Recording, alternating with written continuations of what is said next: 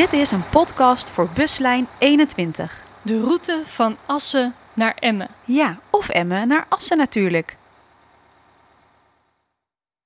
Emmer Dierenpark. Oké, spelletje. Ik zeg een woord en dan zeg jij direct wat er in je opkomt. Oké, Assen. Bartje. Busreis. Eh, OV-chipkaart. Ja, in deze podcast natuurlijk. Ja, ook. Wortel. Konijn. En Sinterklaas. Mag ik nu ook? Ja. Appelsap. Vies. Serieus? Oh, zo lekker. Oh, warme appelsap was ook echt, echt heel lekker. Dat nam ik vroeger altijd voor het slapen gaan. Oh, bah. Nee, nee, nee. Eh, misschien denken we hier wel hetzelfde over. Komt-ie? Emmen. Emma, de dierentuin? Ja. Ja, de dierentuin. Oh, Marjolein, daar liggen echt zoveel jeugdherinneringen. Ja, eh Noorderdierenpark in Emmen. Echt van vroeger eigenlijk. De vlindertuin natuurlijk. Daar was het altijd lekker warm. En bij de entree, daar kon je dan op de foto. Daar sta ik nog met mijn oma op de foto. En als je iets doorliep, dan had je de olifanten. En als je naar rechts afsloeg langs het restaurant, dan had je daar een hele grote speeltuin. En aangezien we toch een abonnement hadden, gingen we als we in Emmen waren sowieso even naar de dierentuin. En dan vooral ook even naar de speeltuin. En langs de savanne met al die dieren door elkaar. Ja. En dan liep je zo vanuit het centrum van Emmen het Noorderdierenpark in. Het park dat in Nederland echt een begrip werd, vooral na de oorlog. Want het was een van de modernste dierentuinen van Europa, waar dieren zoveel mogelijk in hun natuurlijke omgeving getoond werden. Zonder tralies en eh, ingedeeld in werelddelen. Het park bestaat al sinds 1935 en wat veel mensen niet weten is dat de dierentuin ook nog een belangrijke functie had tijdens de Tweede Wereldoorlog. Ja. Nederland was bezet door de Duitsers en bepaalde groeperingen waren hun leven niet zeker. Op verschillende manieren probeerden mensen aan de bezetter te ontkomen. En de dierentuin bleek daar een geschikte plaats voor te zijn. Vanaf 1943 druppelden de onderduikers één voor één binnen in het park en tot het einde van de oorlog waren er in totaal 18 personen die in het dierenpark wisten onder te duiken. De groep onderduikers bestond uit jonge mannen die op de vlucht waren voor de arbeidseinsatz. Oftewel dwangarbeid in Nazi-Duitsland. En er zaten ook verzetsmensen tussen en een Joods meisje. Ze sliepen niet eenzaam op een zolderkamertje of diep in de bossen in een ondergrondse hut, maar dus op een plekje in de dierentuin. De slaapplaats van deze mensen was niet heel groot, maar waarschijnlijk wel de meest veilige. Namelijk op de zolder boven het verblijf van de olifanten, de tijgers en de leeuwen. Daar zouden de Duitsers natuurlijk niet snel onverwachts binnen kunnen vallen. Overigens hadden de dieren wel heel goed door dat hier iets nieuws was.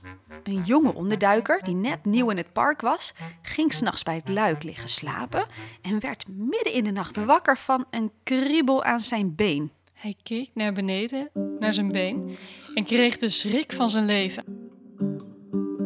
Het was namelijk de slurf van een olifant die aan zijn been kriebelde.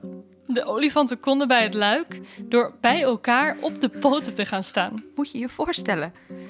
Ondertussen waren de Duitsers trouwens best gesteld op het dierenpark. In Emmen zat bijvoorbeeld generaal Christiansen. De opperbevelhebber van de Duitse Weermacht in Nederland.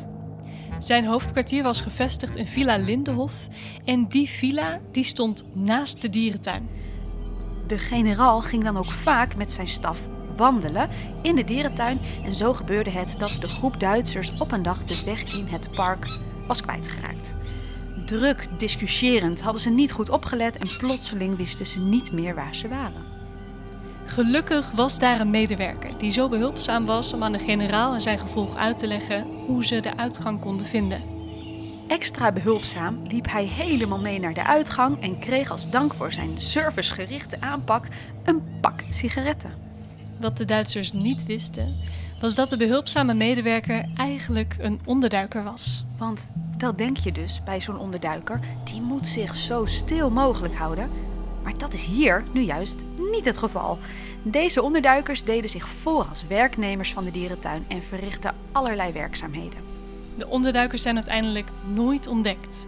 Er is wel een razzia geweest, maar door de vroegtijdige waarschuwing konden de Duitsers niemand in de kraag grijpen.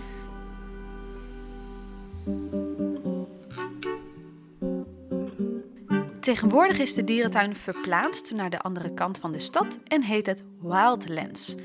Dat is net als Dierenpark Emmen een vernieuwend dierenpark.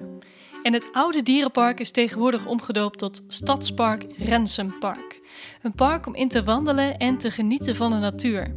Daar kun je dus nu nog steeds heen. Met buslijn 21.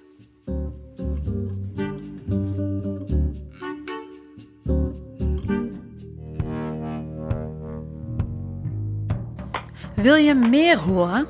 Op Spotify zijn alle afleveringen van deze buslijn te vinden. En daar vind je ook de verhalen van andere buslijnen, zoals die van buslijn 65. Van Groningen naar Zoutkamp.